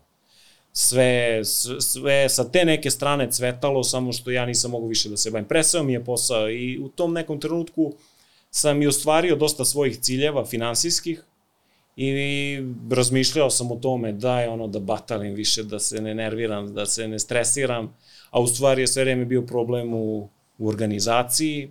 I onda sam te godine zapustio firmu, sa 50 i nešto ljudi smo se smanjili na možda desetak. I to su bile ono što je interesantno, to su ljudi koji su sa mnom od samog početka, koji su od, od osnivanja VConnecta zaposleni, tu što je redkost u u, u ovoj branši. Ljudi uglavnom na 6-7 meseci najviše menjaju, menjaju posao, a eto, kod nas to govori o našim, našim uslovima. Oni su tu već 7-8 godina i zahvaljujući njima je u stvari firma opstala. Oni su sami radili, dolazili na posao, ja im isplatim platu kad dođe, kad dođe vreme, niti sam im nešto pričao previše, previše sa njima oko rezultata, da sam ih motivisao i tako dalje. Baš je bilo ono samo održivo Ti si ovaj, totalno zapustio. Totalno, totalno sam zapustio i kao krenuo sam da se okrećem nekim drugim stvarima, da, da tražim šta bi moglo drugo da se... A šta je moglo drugo? Da se radi, pa ništa, ništa pametnije. Ništa pametnije. Kripto, a? Kripto, da. Da, i to sam isto prošao. Majnovanje i te varijante, ali ne, e, kripto je privlačan, ali nažalost nije baš, nije baš kao što se predstavlja. Ovaj, I to sam osetio ali radili smo neke projekte i na srpskom, e, pokušao sam taj švajcarski sistem da prenesem ovde na nas u Srbiji, jer kod nas je telemarketing zakržlja, ovde je vrhunac prodavanje, ne znam, jastuka ili kosmodiska penzionerima. I onda sam ja u dogovoru sa, sa jednom firmom dobio mogućnost da zastupam banke, odnosno da prodajemo, da nudimo kredite. Generisali smo lidove, zakazivali termine za ljude koji su zainteresovani da podignu kredit. Za domaće ili za domaće, domaće? Za domaće, da. I slali smo ih u ekspoziture Međutim, šta se desilo, naš čovek neodgovoran, zakaže. U Švajcarskoj šve, švajcarac kad zakaže termin, onda se i održi. A ovde kod nas zakaže termin, ti ga pozoveš da ga podsjetiš, on potvrdi, naravno ne pojavi se, posle ono follow up, zoveš ga opet, pa niste došli, šta možemo, ja treba da pomerimo, da, da, da pomerimo, mi ponovo pomerimo i na kraju tu nije bilo neke, neke matematike da to meni bude interesantno, ali umeđu vremenu sam shvatio da je grešim, shvatio sam da ne mogu da radim sve sam, da mi treba tim. Najgori je taj trenutak u firmi kada nis, niti si toliko veliki da možda napraviš HR, da napraviš računovodstvo ili ne znam ja, da imaš nekoliko tim lidova, a opet preveliki si da, da to radiš sam. Samo tada nisam tu investiciju shvatao, mislio sam ja, to mi je trošak, to mi je trošak, da, izguraću, izguraću sam i eto, preko svojih leđa sam naučio da ne može i sada smo krenuli iz početka. Kako ste krenuli, kako si izašao iz tog burnouta? Prijatelj mi je preporučio jednu ženu koja radi kao, kao coach, ona je inače i, i, i terapeut i stručnjak za, za, za biznise, za postavljanje postavljanje strukture, kompletne, pisanje, mi nismo imali ljudski pravilnik o radu, ono, sve je bilo stvarno improvizovano. I onda sam s njom počeo da radim, prvo negde sebe doveo, doveo u red da odlučim šta želim, u kom pravcu hoću da se krećem. A koji je to pravac mi- bio? Da odustaneš od tog biznisa ili da ga staviš na noge? Kako izgleda ta sesija? Ili... Pa, u principu, tražili smo šta je problem. Šta je problem, zašto se meni to više ne radi, a volim to da radim. U mojoj prirodi je da, da pričam, da motivišem ljude, da, da, da ih obučavam i odjednom se meni to smučilo. U stvari šta, bavio sam se stvarima, suviše sam radio u firmi nego na firmi. Bavio, umesto da se bavim strategijom, ja sam se bavio ono dnevnim, dnevnim operacijama. Iako si znao možda po nekoj definiciji da tako treba, Da, iako sam, da, ono, svaka knjiga koju sam pročitao, svi pričaju o tome, ali naravno, ono, tvrdoglavo pokušavaš, ajde ja ipak da, možda ja to mogu sam, ili ajde izguramo još par meseci, još 5, 6, 7, 10 ljudi da zaposlimo, pa ćemo onda da uzmemo nekog za HR i onda smo krenuli od početka, bukvalno, ono, pišemo statut firme, pravilnik o radu, ne znam, definisali smo, kod mene nisu postojali na početku neki, neki penali u smislu kao, ej, šta ako kasniš, šta ako ovo radiš, nego je sve to bilo, ne znam, Neće valjda, neće valjda ili ne znam, e, ako, ako napravi dobro, ajde popričat ćemo, pa sve negde u, u teoriji postojalo, ali ništa na papiru. I onda smo sve to stavili na papir, zaposlili, zaposlili tada i tu ženu koju sam poslao kasnije u Tunis, koja mi je mnogo pomogla. Ona se sad bavi operativom, a ja se bavim strategijom i, i razvojem i sada, je na, sada je brojno stanje pa 20 i nešto ljudi nas ima trenutno u firmi, plus ti italijani koji kreću sledeće nedelje. Nisam napravio tu grešku, odmah sam zaposlio tim menadžera za italijanski, nisam teo da eksperimentišem da to radim, da to radim sam i u planu je francuski. Idemo na, da napadamo taj deo, deo švajcarske. isto tržište koje ste pre toga radili, u smislu osiguranja, Sve isto. Odnosno, zašto? Nismo ni ispričali zašto, zašto mi to radimo. E, Sistem u Švajcarskoj zdravstveni je kompletno u privatnom sektoru. Ne postoji državno zdravstveno osiguranje kao kod nas, kao u Nemačkoj ili ne znam.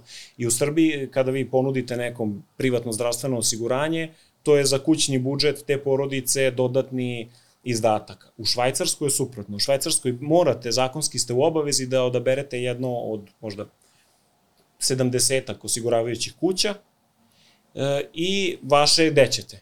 I što je super, zato imaju jedan od najboljih zdravstvenih sistema, zato što se međusobno takmiče, takmiče ta, te osiguravajuće kuće.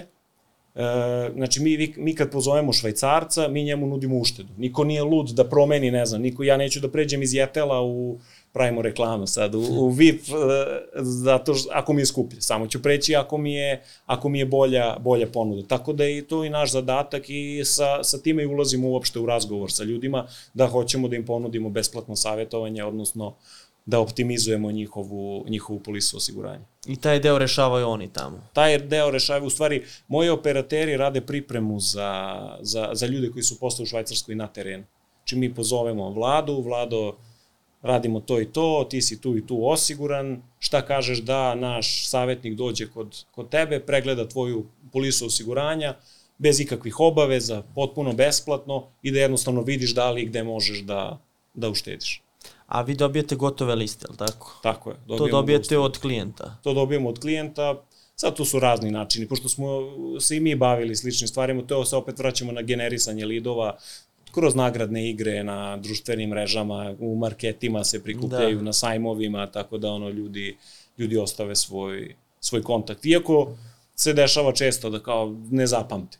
A, odakle vam broj telefona, što me zovete. Međutim, u, u Srbiji smo imali veće probleme, većih problema sa tim nego u Švajcarskoj. U Švajcarskoj sve živo. Ne možeš da veruješ šta im sve prodaju putem, putem telefona. Zamrznuto pecivo, e, vina, italijanska, sireve, ne znam čega sam se sve naslušao, imao sam i raznorazne ponude da radimo tako neke stvari, ali opet nekako mi je naj, najveća perspektiva mi je u ovim osiguranjima. Drugačije je kad nekom nudiš nešto što, što mora da ima i pritom naša ponuda je bolja nego, nego, nego njihova u tom trenutku polisa. I oni se i dalje javljaju na telefon posle svih tih poziva da, i... da, da, da, redovno, redovno, redovno i Ali dobro, ve- vežbamo i na, na obukama vežbamo kako da, da prevaziđemo i to. Odakle vam moj broj, nisam zainteresovan, što me zovete, nemam vremena, ko si sad pa ti i tako, tako sve u krugu. Posle u karijeri ponovo si se susreo sa momkom kome si prodao auto prvi BMW. Uh, pa da, on mi je, on mi je u stvari pomogao. Prvo sam od njega rentirao, rentirao sistem i ta saradnja, on je stvarno meni mnogo pomogao. Ne mogu da kažem, ključna uloga u tom trenutku, ključnu ulogu je odigrao on da, da se sve zavrti. Da. Posle, ne znam, njegov način rada, njegov pristup mi nije nije odgovarao, nismo tu negde bili kompatibilni, ja sam smatrao, znao sam da sam u tom trenutku na kraju jedini njegov klijent i debelo smo to plaćali, a s druge strane i previše, a s druge strane nisam, nisam dobio taj neki respekt koji, koji mislim da zaslužujem kao, kao jedan veliki, ozbiljan klijent koji donosi toliko i toliko, toliko i toliko novca, da bi se na kraju ispostavilo, meni jedno zvoni mi telefon, zove me neko iz Švajcarske, ispostavi se da je to e, njegov bivši šef, za kog je on u stvari razvio taj sistem i kaže, ej, ajde molim te, šta god da plaćaš, ja ću da ti dam ja ću da ti dam upola, upola manje, to je moj sistem, bla, bla, bla, i pređemo mi, pređemo mi na, na isti taj sistem samo od, od drugog, drugog provajdera. Da, onako, bilo je, šta da ti kažem, kad god sam ja pokušao nešto da, da pregovaram, bila je varijanta kao, pola, imaš još ti puno mleka da, puno mleka da piješ, kao mora da se zna ko je, ko je gde u hijerarhiji, tako I da... onda je zanimljiva situacija posle na sajmu. Šta je to Da, bio da. sajam automobila? Ne, bilo je Cars and Coffee je bio na, na galeriji u ovaj, tržnom centru, krovu tržnog centra galerije i ja sam izložio svoj, svoj auto. Šta si uzeo opet osmicu ili... Da, uzao sam osmicu, ali i osmicu ovog, ovog Kao puta. Sale Popović. Da, evo, pozdravljamo Saleta i Rastu.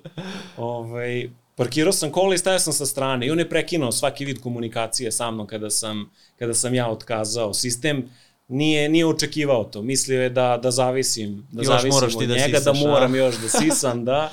I ovaj, e, stajao sam sa strane i onako parkiran moj auto i vidim prilazi on, gleda, snima i ja rekao, pa desi.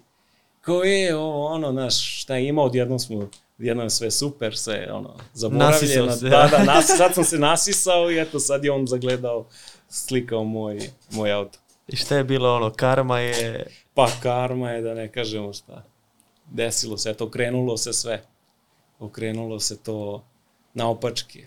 Šta da radim? Svakom valjda po zasluzi. Kad smo pričali ono i sad ti kod tih ugovora i generalno to verovanje, slepo verovanje ljudima, prijateljima, koliko ti se to puta obilo o glavu i generalno i taj brzi rast koji si ostvario i sad okruženje koje ne može ni to da isprati, isto da napomenemo, ono, ti si iz, ono, ja to spominjem često, mala sredina, ono, ve- većina gradova, ono, osim Beograda je manja sredina, Da. kao i Pančevo i onda si ti tu i pravio biznis i odrastao tu i nastavio da živiš u Pančevu i sad kako je okruženje moglo da prati to i Pa, Pančevo je jedno, jedno selo, malo veće selo, tako da kažemo. Svi znaju sve i onda je, još je teže kada, kada te neko zna gde si bio pre 5, 6, 7, 8, 10 godina i gde si danas, jer onda mogu da porede sa sobom. Aha, on je bio na, ne znam, na nekom istom nivou gde i ja tada, odjednom, ne znam, kola, firma, putovanja i slične, slične neke stvari. I opeko sam se kod prijatelja varijante, pozajmi mi pare, pa se prestane da se javlja ili ne znam, do... Ma to je, bukvalno, eto, to se isto dešavalo, to je, to je jedan od dodatnih razloga šta je dovelo do onog burnouta. Razočarenje u ljude koji su sa mnom bili od, od samog početka i kojima sam ja bio lojalan, pomagao im, pomagao im, ono, va- varijanta, ne znam, neko ko je danas je pozajmio od mene pare, brate moj, sve super, sutradan čujem da će da nešto, da će mi pošalje inspekciju, ono, budalaštine neke, ali generalno to mala sredina, varijanta, prva pomisao je, ono, klasika, dileš drogu, ili tako nešto, kao kako, ili ne znam, politički si aktivan. Kod nas ljudi uopšte ne shvataju da, da, da možeš zdravim biznisom da napraviš, da napraviš nešto nešto nešto veliko i da, da ne mora tu da bude upletena, niti da si, ne moraš da budeš nečiji sin, što se kaže, ili da, da neko stoji iza tebe da sve uradiš sam, samo isključivo ono, velikim trudom i, i naporom. I ajmo da ga sapletemo. Ajmo da ga sapletemo. Pa da, to su varijante. Izgrebi kola, ne znam.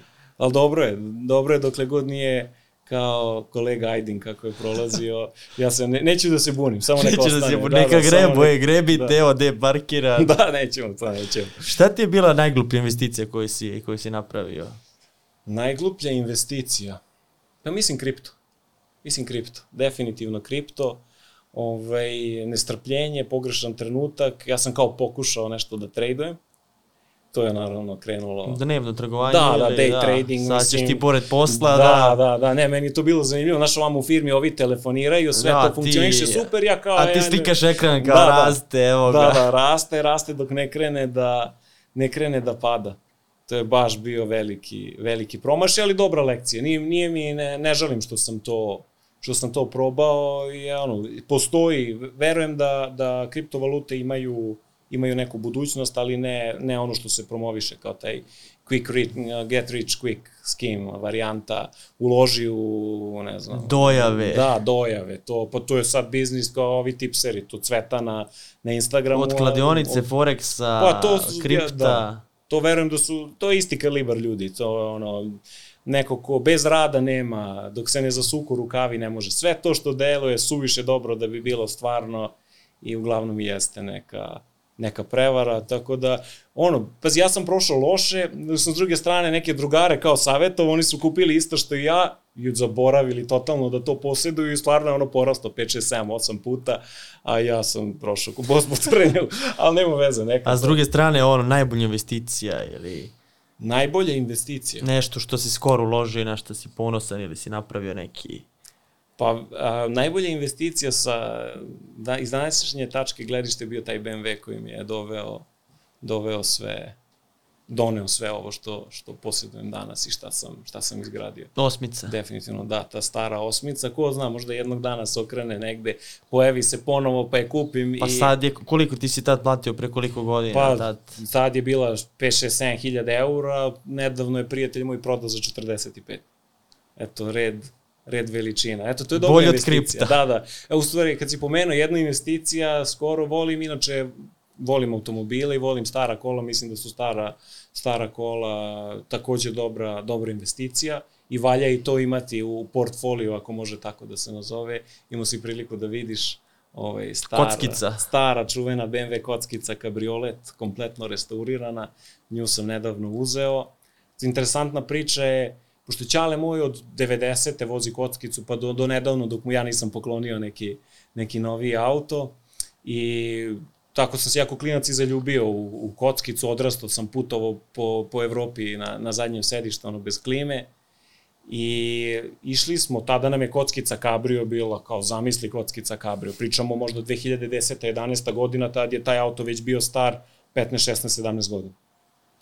Mi smo u Beogradu ovaj, gledali nekog, nekog Cabrija, tada je čovjek tražio 1500 eura za njega. I mi nismo imali 1500 eura, ćale moj ti stara škola, ono, nema šanse, kredit, neki, ono, takve stvari, ma daj samo što dalje od, od banaka. Ja sad danas njemu nešto kad pričamo, ne može to uopšte da, da ovaj, ma nemoj ništa ni da mi pričaš, za mene je to ono špansko selo. Tada smo imali priliku da ga kupimo za 1500 eura, evo 10 godina kasnije sam ga platio 15. Tako da puta 10. Ja se nadam Znači, investicije u stara kola, investicija, da.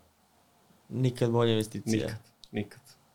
Mislim da tu nema greš. Prvo što s druge strane imam taj užitak ko voli, možeš da se voziš, da putuješ, a možeš da ga čuvaš, a s druge strane raste mu, raste mu vrednost. A, zanimljiva situacija koju si mi, koju si mi opisao kada voziš ono kockicu i kada voziš ovaj drugi auto, reakcije. Da, reakcije, ne, nebo i zemlja. U kockici to je ono kroz prozor mašu, sve, bravo, care, wow, kakav auto, a u i osmici su u fazonu kao da si im ukrao. Ono, pogled i mržnja, ko je sad ovaj, šta je, ko zna koga je ovaj prevario, ili ovo je neki, neki kriminalac. Ili mu Čale kupio? Da, i, i da, to je varijanta, Ćale mu kupio, pa to Preko redovno- stranke. Da, da, preko stranke. To, je, to su ti ono komentari, kad se desi, ne znam, sa nekim običnim kolima, neko napravi prekršaj udari u, u banderu, to je, ne znam, jadan. A kad udari neko u BMW-u, McLarenu, da, neko, da, da, da, da, onda bude varijanta, a, udario BMW, udario Mercedes i odmah se dodaju epiteti, pridevi, bahati, ovakvi, onakvi, što je daleko od, od istine. Ali često se susrećem baš sa tim i nešto, sve, sve češće sedam u kockicu nego, nego u ovaj auto. Bezbednije, kaže. Da. Neće da greba, ali rekao si nemaš bogatog ćaleta, ali si imao bogatog, šta je, čukun deda. Da, imao sam bogatog Čukundedu. Čukundeda je inače e, bio industrijalac, on je, moja familija je poreklom iz, iz Leskovca, to je uh, sa, to je u stvari deda tatine mame, oni su iz Leskovca i oni su imali livnicu, bili su jedni od najbogatijih ljudi tada, tada u Srbiji. 1911. još moj deda osnovao uh, fabriku u, u Leskovcu, Uh, imao je fabriku sapuna, imao je građevinskog materijala, uvozio je materijal iz Austrougarske, iz Nemačke, pa prodavao svuda po, po Srbiji. E, imali su sapunjaru, fabriku mirisa, da, i nažalost onda kad su došli komunisti, je sve to, sve to oduzeto i oni su bili proglašeni, u stvari ne samo oni, nego svi, svi privrednici tog doba su bili proglašeni za, za državne, državne neprijatelje, da. I ti sad u kancelariji šta držiš? Da, Prvo, evo, evo doneo sam ovde, to mi je onako motivacija da, da da, da, da se setim odakle sam, odakle potičem. Ovo je, ovo sam našao na, na Limundu na licitaciji e, fakturu dedine, dedine fabrike iz 1935. godine. Da je faktura, jel plaćena? Možda, Ili da idemo na otkup potraživanja, Ako, ako nije, ići ćemo na otkup potraživanja. Koliko? Ovo je faktura iz uh, maja 35. godine, tako da kamata je do sad narasla, možda se isplati ići u potraživanje, ali tu se i vidi u stvari kako je fabrika tada izgledala. Oni su inače uh, tada pre, pre, pre rata imali su vilu sa parnim grejanjem, balsku salu sa fontanom, balove organizovali. I može da ko hoće može da izgugla uh, porodicu Đorđević Kukar im je bio nadimak familiji zbog, zbog livnice jer su pravili kuke i tako dalje. U stvari, taj prvi najpoznatije po kome i fabrika imala ime Trajko Đorđević Kukar i kod njih je čak i čuvena glumica Itarina dolazila u, u goste na, na, na, na te balske večeri. I onda došle komunjare, Došle komunjare, proglasili ih državnim neprijateljima, oduzeli kompletnu imovinu, E, deda se jedva bio u zatvoru nekoliko godina, posle se jedva izvuko da ne završi na golom otoku, da ga ne streljaju. I bilo je zabranjeno u porodici da se priča o tome. Ono što je interesantno, ja nisam imao pojma sve do 2012. 13. godine, tad je kod nas krenula priča zbog ulaska u Evropsku uniju, da država mora da, da, oko restitucije i Ćale meni onda pokrene priču. Jako je svima to teško palo i onda nisu, bilo je zabranjeno, ok, desilo se šta se desilo, nećemo više da, da, da pričamo o tome, bukvalno nisam imao pojma, eto ta 2013. sam već imao 19 godina, ja nisam znao taj deo porodične, porodične istorije i Ćale i njegov brat su započeli to sa, sa restitucijom i donosi mi on jedan dan spisak i kao evo imovina što treba da nam vrati. Ja sam kao listam, pa dobro šta je odavde naše, pa kaže on ceo spisak. Ove, I eto, deset godina to traje i dalje nije, se ništa nije mrdnulo sa neke, neke ali kad se mrdne, taše. bataljuješ call centar i... Da, da, da, pa nešto sumnjam da će se desiti. Znaš kako, navikao sam da radim za sve i onda ni, možda bi, možda bi valjalo da se posvetim ja toj restituciji, da to, da to malo I nekako... onda dođeš u podcast naslednik. Naslednik, da, onda neće biti osnivač V-Connecta, nego naslednik. Đorđe Veselinović naslednik. Ne moraš da juriš ove Nemce. Da, neka, neka, slatke su to muke. Ako dođe, dobro došlo, ako ne, sposoban sam sve, pa zaradit ćemo, napravit ćemo mi još veće Da smo fabrike. živi i zdravi. Da. Nećeš u sapune. Pa Ko zna, nikad, nikad ne reci nikad. Nikad ne Đule reci nikad. Sapunjar. Definitivno, da. I možda, se, možda me tako zovu. Ili kukar. Ne, nije loše, može i kukar. Bolje nego kamenorezac, a? Pa, bolje. Izbegao si to. Koje bi knjige preporučio koje su ostavile utisak na tebe, Pa, a da si primenio, ili može i one koje nisi primenio?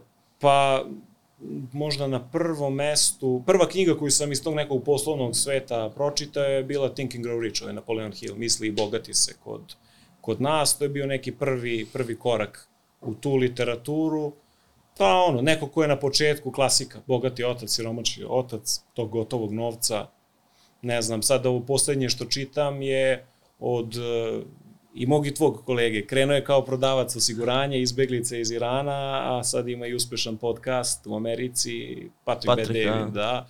Njegovu knjigu bi preporučio, ona je, e, zove se Your Next Five Moves, tvojih sledećih pet koraka i sad pokušavam ja da se pridržavam toga da, da isplaniram tih sledećih pet koraka i da imam čvrste temelje, da ne bude kao pre samo juri glavom bez, bez obzira. Šta bi se drugačije uradio u biznisu na početku karijere?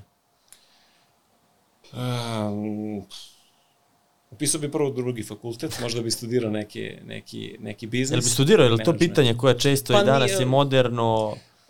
Ja generalno, mislim, primer sam da ne mora, nije, nije nužno, ali svakako ne volim sad da omladina misli da ej, svi mogu, svi mogu bez fakulteta, da kao nećemo da učimo ko, ko šiša školu, da ne kažem nešto, nešto drugo. Mislim da je bitno najviše je ta, ta neka radna, radna etika i navike i da, što vidim da fali danas kod, kod ljudi i jednostavno nemaju, ne osjećaju više neku, neku obavezu prema, prema poslu, nego sve se tako olako, olako shvata, da imaju društvene mreže sa tim veze, ali od početka bih, odmah bih krenuo u Beogradu. Odmah bih krenuo u Beogradu što se Ništa tiče firme, ništa patriotizam. lokal patriotizam, iz prostog razloga što nema. Na 70.000 stanovnika u Beogradu je teško naći, naći 20, 30, 40, 50 ljudi koji pričaju dovoljno dobro nemački, a da mogu da, da rade takvu vrstu posla, a kamoli u Pančevu. Znači, bukvalno je bila nemoguća misija i mislim da, da sam od početka imao strukturu i da sam uložio u, u, u management, u ljude koji slično razmišljaju kao ja da bi sada firma bila 3-4 puta veća najmanje nego što je danas, ali nema veze, nije kasno, mladi smo, eto, zato sam, zato sam i počeo sa 21 godinom. Imam vremena još i da grešim i da ispravljam i mislim da će, da će doći sve to na svoje. To je da odličan poruka za, za kraj ove priče. Đole, hvala ti što si bio gost. Biznis Hvala priče tebi. što si podelio. Želim ti još uspešniji biznis i da se reši ta Hvala. restitucija. Da, da, sledeći put onda dolazim epizoda 2 Đole naslednik. Naslednik. Tako je, može, može. A mi se vidimo u narednoj biznis priči.